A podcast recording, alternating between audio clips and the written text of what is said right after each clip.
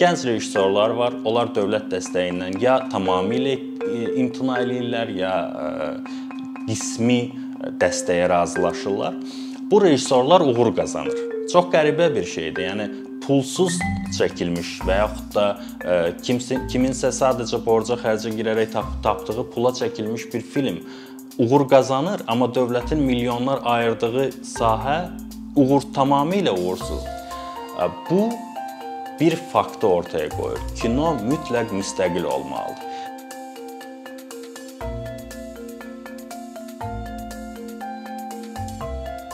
Müasir dünyada filmin yaxşı və yaxud da pis olmasını onun festival iştirakçılığı əsasən müəyyən eləyir. Əgər festivalda mükafat alıbsa yaxşı deyə identifikasiya eləyir, almayıbsa və yaxud da iştirak eləməyibsə o filmi pis kimi və yaxud da ümumiyyətlə dəyərləndirmə aparmırlar. Azərbaycan kinosunun da 2 şansı var. Ümumiyyətlə bütün dünya dünyada belədir. 2 şansı var festivallara çıxış üçün. Bunun ikincisi haqqında danışacağam. Birincisi və ən vacibi prodüserdir. Dünya kinosunda bunun mübahisələri çox gedir. Rejissor yoxsa prodüser önəmlidir bir filmdə. Kommersiya kinosu üçün və ümumiyyətlə satış məqsədi olan bir layihə üçün, bir film üçün ən vacib şəxs prodüserdir. Çünki o filmi təhvil alır, festivallara çıxarır, müxtəlif distributor şirkətlərə satır və nəticə etibarilə rejissor və digərləri həmin filmin xərclərini çıxarırlar, növbəti layihəyə hazır hazırlaşa bilirlər. Azərbaycanda prodüserluq məktəbi məqsədli, obyektiv və subyektiv səbəblərdən tamamilə məhv edilib. Yəni Azərbaycanda prodüserluq məktəbi yoxdur. Kommersiya filmləri, hansılar ki, onlar ancaq Azərbaycan daxilində nümayiş etdirilirlər, bu ə, əsasən komediyalardan ibarətdir. Onların prodüserləri var əlbəttə, amma o prodüserlər maksimum hansısa sosiska və yaxud da kolbasa şirkətindən ə, reklam ala biləcək ə, gücdədirlər belə deyək və o ə, ümumi beynəlxalq prodüser normalarına cavab verməyən bir məktəbdir deyək, bir xəttdir. Azərbaycan Mədəniyyət Nazirliyi hər il hesabat verir ki, onun istehsalı olan filmlər onlarla festivalda iştirak eləyib, yüzlərlə mükafat alıb.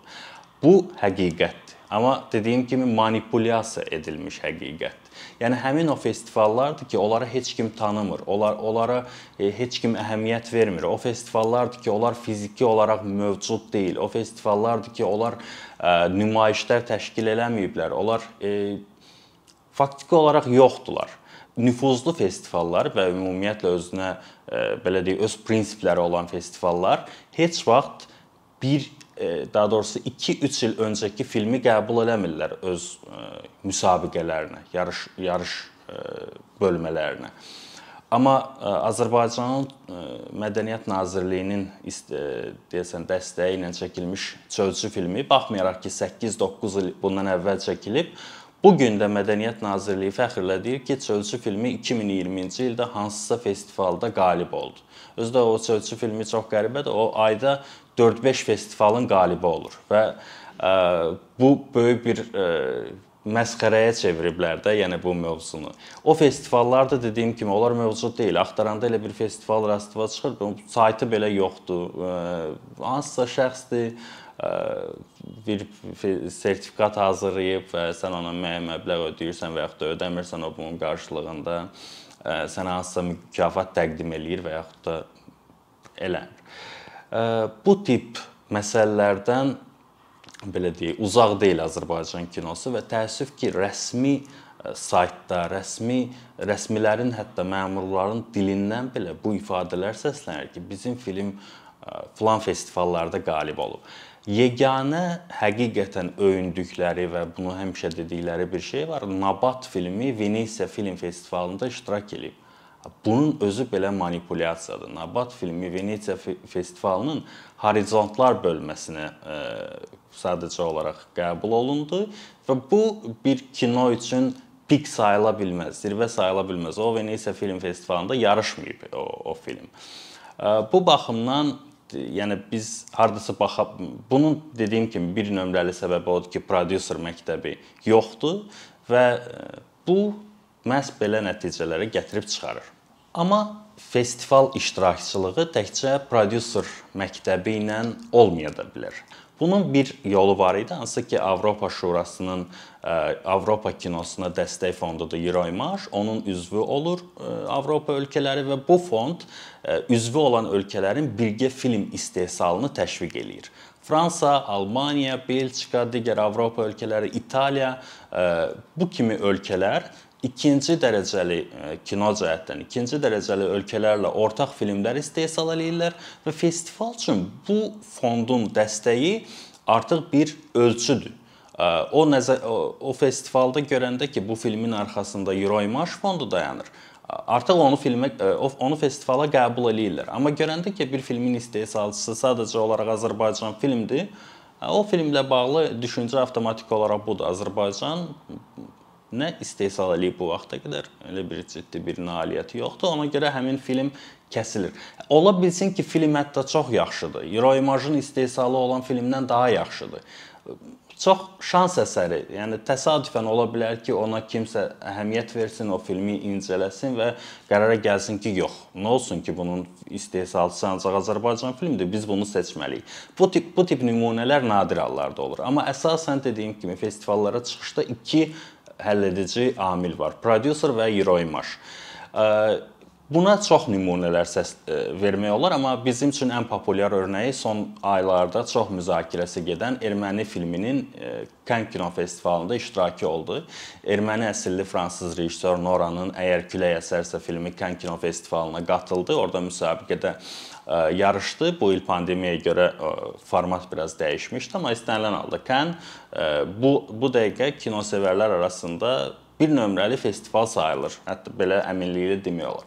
Və e, erməni filminin ora çıxması bizdə e, çox qəribə reaksiyalara səbəb oldu. Azərbaycan Yazıçılar Birliyi, hətta e, məşhur rejissorlar, kino xadimləri, ziyalılar, onlar Cannes Kino Festivalına etiraz elədilər, çünki o film Xankəndində çəkilmişdi. Orada hava limanının açılışı və və digər başqa mövzular var idi etiraz elədilər ki, niyə erməni filmi özdə belə bir mövzulu film, bu separatizmə dəstəkdir və s. və ilə axır, amma Cannes Kino Festivalı heç belə etirazlara reaksiya belə vermədi. Çünki bu absurd ittihamlardır.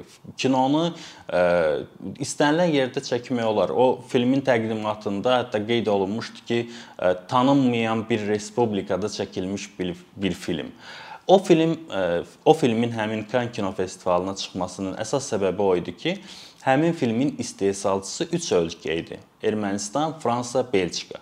Bu 3 ölkənin iştirakçılığı Cannes Kino Festivalına və Euroimage dəstəyi Cannes Kino Festivalına bir güvən verirdi ki, aha bu filmi seçmək olar. Bu filmə baxmaq olar, bu filmi e, yarışda təqdim eləmək olar. Amma dediyim kimi bizdə bu absurd yanaşmalar ortaya çıxdı. Həmin film barədə çox belə heç kim filmi gör görmədiyi halda hamı ə, e, belə mənasız fikirlər irəli sürməyə başladı. Euroimage fonduna üzvlük ə, e, məsələsi qalxanda Ermənistanın 2016-da Azərbaycanlı müstəqil kino xadimləri xəbərdarlıq eləyirdi. Baxın, erməni həqiqətlərinin dünyaya tanınması prosesi başlayıb. Yəni necə ki bizdə məsələn biz deyirik Azərbaycan həqiqətlərini dünyaya tanıtmaq, aydın məsələdir ki, Ermənistan həqiqətlərini dünyaya tanıtmaq deyə bir ə, məsələ də var. Xəbərdarlıq eləyirdilər bunu və Azərbaycan ə, filmin nümayəndələrinə, həmçinin Mədəniyyət Nazirliyinə ə, təzyiqləri var idi ki, biz də Euroimage üzv olaq.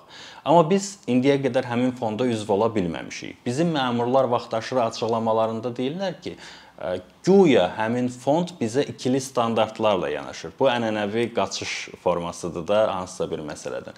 Əslində e, heç bir ikili standart yanaşması yoxdur. Sadəcə Euroimage-ın bəlli tələbləri var. Azərbaycan o tələbləri qarşılamır. O tələblərin ən vacibi şəffaflıqdır. Sənin kino sahən, kino sektorun bütövlükdə şəffaf olmalıdır sənin kinoteatrlarında sənin filmin nə qədər pul qazanır, bu açıq informasiya olmalıdır.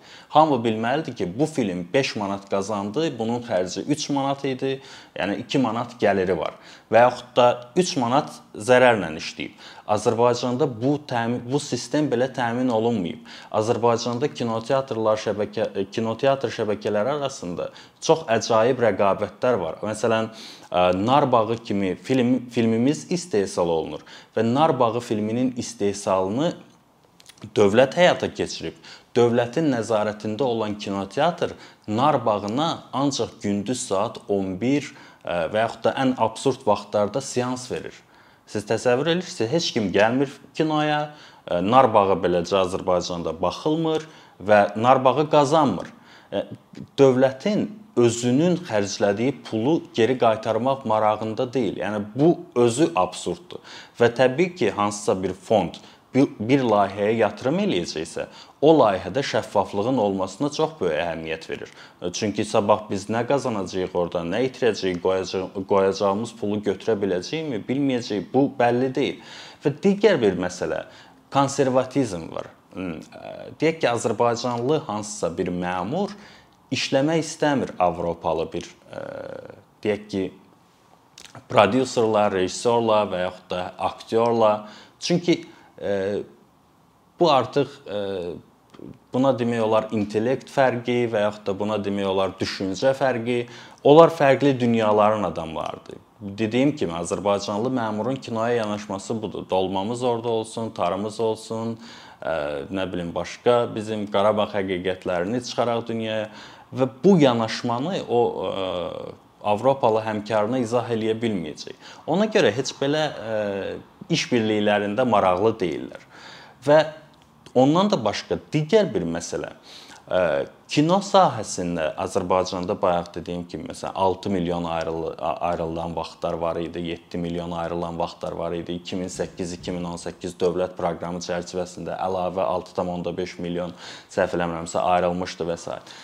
Bu vəsaitə onlar hansısa məsələləri və yaxud da kinonu e, inkişaf etdirmək məqsədi güdmürlər. Bu vəsaiti biz necə ə, e, necə əridə bilərik? Belə belə ümumi bir anlayış var da. Ona görə həmin vəsaiti kimlərləsə bölüşmə istəyi yoxdur. Ona görə də Azərbaycan heç vaxt səmimi olaraq Euroimaja üzv olmaq istəyində olmayıb müraciət eləyib, prosesi yubadıb, necə ki Azərbaycan Avropa İttifaqı ilə bir strateji tərəfdaşlıq sazişini belə yubadırıq biz, müəyyən məsələlər ortaya atılır, deyək ki, hansısa tələbləri qarşılamaq istəmirik. Eləcə də bu fonda üzvlükdə də eyni məsələlər var. Şəffaf olmayan kino sahəsini şəffaflaşdırmaq istəmirlər. Hesabatlıq, hesabatlı etmək istəmirlər ki, həmin fondda Azərbaycanı üzvü olaraq qəbul eləsin, hansısa layihələrimizi qəbul eləsin. Ümumiyyətlə o fonda üzvlüyün çox faydaları ola bilər. Azərbaycanlı rejissorlar, Azərbaycanlı prodüserlər Avropalı həmkarları ilə tez-tez ünsiyyət qurarlar və bu bir çox məsələdə həlledici rol oynayır. Amma e, dediyim kimi dövlət bunda maraqlı deyil və nəticə etibarilə bizim kino e, festivallara çıxmır və çıxdığı festivallar da dediyim kimi o festivallardır ki, onları heç kim tanımır. Amma alternativ Azərbaycanda yaranır. E, pozitiv bir e, belə deyək, hərəkat var Azərbaycanda. Buna yəqin ki, bir müddət sonra Azərbaycan kinosunun yeni dalğası deyəcəklər. Gənc rejissorlar var. Onlar dövlət dəstəyindən ya tamamilə imtina eləyirlər, ya qismi dəstəyə razılaşırlar. Bu rejissorlar uğur qazanır. Çox qəribə bir şeydir. Yəni pulsuz çəkilmiş və yaxud da kimsə kiminsə sadəcə borca xərcə girərək tap, tapdığı pula çəkilmiş bir film uğur qazanır, amma dövlətin milyonlar ayırdığı sahə uğur tamamilə uğursuzdur. Bu bir faktı ortaya qoyur. Kino mütləq müstəqil olmalıdır. Mən örnəklər deyəcəm. Məsələn, Azərbaycanda müstəqil kinonun belə deyək, bayraqdarlarından biri də Hilal Baydarovdur. Hilal Baydarov ötən il Sarayeva Film Festivalında ən yaxşı ə, sənədli film nominasiyasında qalib oldu onun filmi ə, və bu il artıq A səviyyəli və bütün dünyanın diqqətlə izlədiyi Venesiya Film Festivalında Hilal Baydarovun səpələnmiş ölümlər arasında səhv eləmirəmsə filmi yarışacaq. Və bu həddən artıq böyük uğurdur və illərdir Azərbaycan Mədəniyyət Nazirliyinin dediyi o Azərbaycan Nabat filmi iştirak eləyib Venesiya Film Festivalında o həqiqət deyildi. Həqiqət bu gün Hilal Baydarovun orada iştirak eləməsidir. Hansı ki, Mədəniyyət Nazirliyi ona dəstək göstərmir. mən bilmirəm Hilal müraciət eləyib yoxsa yox, amma faktiki olaraq Azərbaycan Mədəniyyət Nazirliyinin hansısa bir dəstəyi yoxdur onun arxasında.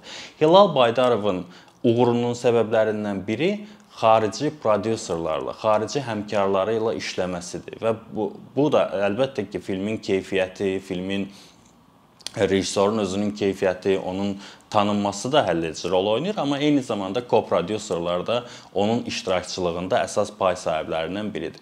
Eyni zamanda bu yaxınlarda Ruh Həsənov özünün daxildəki Ada filmi ilə Sarayeva Film Festivalının ən yaxşı rejissoru nominasiyasında, ən yaxşı rejissor nominasiyasında Sarayevanın ürəyi mükafatını aldı.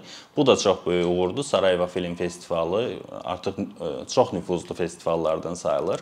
Sarayeva Film Festivalı hətta e, festivalın fokuslandığı ölkələrdən biri Azərbaycandır. Ona görə bizim orada iştirak eləməyimiz daha asandır. Amma Sarayeva Film Festivalı tramplin rolunu oynayır. A kateqoriyalı, daha nüfuzlu festivallara çıxış üçün Sarayeva e, bir növ bir istinad nöqtəsidir. Ona görə bizim filmin orada iştirak eləməsi və belə uğur qazanması gələcək üçün həlledici rol oynayır. Səhv eləmirəmsə daxildəki Ada filminin e, belə deyim, maliyyə dəstəyin dəstəyinin bir qismini e, Mədəniyyət Nazirliyi həyata keçirib. Amma istənilən halda müstəqil şəxsin, yəni Rüfət Həsənovun, Ruh Həsənovun özünün kamera arxasında olması, yəqin ki, müdaxilələrə çox açıq olmaması burada həlledici rollar rollardan birini oynayır ki, həmin kino beynəlxalq festivallara rahatlıqla gedir, çıxır və əslində festivallara çıxmaya da bilər. O yəni ola bilsin ki, bir film hətta festivallarda iştirak eləmir. Biz onu yaxşı və yaxud da pis deyib təsnif eləməməliyik festivallara görə. İstənilən halda nə qədər dövlət müdaxiləsi azdısa, nə qədər Mədəniyyət Nazirliyi səndən az şey tələb eləyirsə, nə qədər sənə özünü ifadə imkanı yaradırsa, o qədər daha yaxşı sənət əsəri yaradacaqsan və bu özünü göstərir. Elmar Elmarın Mövsümün sonu filmi səhv eləmirəmsə Rotterdam Film Festivalında kino tənqidçiləri mükafatını qazandı. O da çox böyük uğurdur. Rotterdam Film Festivalı məşhur və keyfiyyətli festivallardan biridir. Bundan başqa Teymurun səhv eləmirəmsə Axşama doğru filmi Cannes Kino Festivalında qısa filmlər bölməsində orada təqdim ol orada göstərildi. Bu da çox böyük uğurdur yer gəlmişkən və deyəsən Teymura dəstək verənlərdən biri ictimai televiziyadır. Bu da yaxşı bir istiqamətdir. Yəni hansısa döv ictimai televiziyanın xüsusilə rejissorlara dəstək verməsi, şərait yaratması film üçün bu da önəmli bir belə deyək qatqıdır kino sahəsinə. Çünki biz xarici filmlərə də baxsaq, hansısa ya dövlət televiziyasının, ya hansısa televiziyanın mütləq şəkildə istehsalda iştirak elədiyini görə bilərik. Bu baxımdan ictimai televiziyanın son vaxtlar başlatdığı bu bu iş yaxşıdır. Amma dediyim kimi, hələ o stereotipləri qırmamışıq. Hələ başa düşmürük ki, kino sadəcə olaraq Azərbaycan həqiqətlərini dünyaya çatdırmaq üçün bir vasitə deyil. Kino ilk öncə özünü ifadədir və özünü ifadə hansısa bir şəxsin qarşısına konkret bunları göstər, bunları de, bunları dünyaya yerit, bu mesajları ver demək deyil. Özünü ifadə bu şəxsin və yaxud da onun qismində müxtəlif şəxslərin Azərbaycanı necə görməsi, Azərbaycana necə yanaşması, bunlar həlledici məsələlərdir. Təəssüf ki, hələ Azərbaycanda o stereotiplər qırılmayıb və böyük ehtimalla hələ uzun illər biz bundan əziyyət çəkəcəyik. Və son olaraq, bütün bu məsələlərin həlli üçün bizdə sadəcə olaraq mənə elə gəlir ki, bir məsələni təcili olaraq həll etmək lazımdır. Dövlətin əlini tamamilə kinodan çəkmək. Fərqi yoxdur. Kiçik dəstək, böyük dəstək, istənilən dəst dövlətin istənilən dəstəyi onun hansısa ideoloji fikri müəllifə diktə etməsinə gətirib çıxarır. Ona görə də Mədəniyyət Nazirliyi tamamilə kinodan çəkilməlidir. Özünün maliyyə qaynaqlarını əgər e, ötürmək istəyirsə e, kinoya və dəstək vermək istəyirsə, bunu qeyri-hökumət təşkilatları və yaxud da hansısa başqa fondlar vasitəsilə eləməlidir və o fondların şəffaf e, seçim eləməsinə, layihələrin ictimai dəyərləndirilməsinin aparmasına imkan yaratmaq lazımdır. Əks halda biz elə kinomuzda ancaq dolma, ud və tar görəcəyik və salam.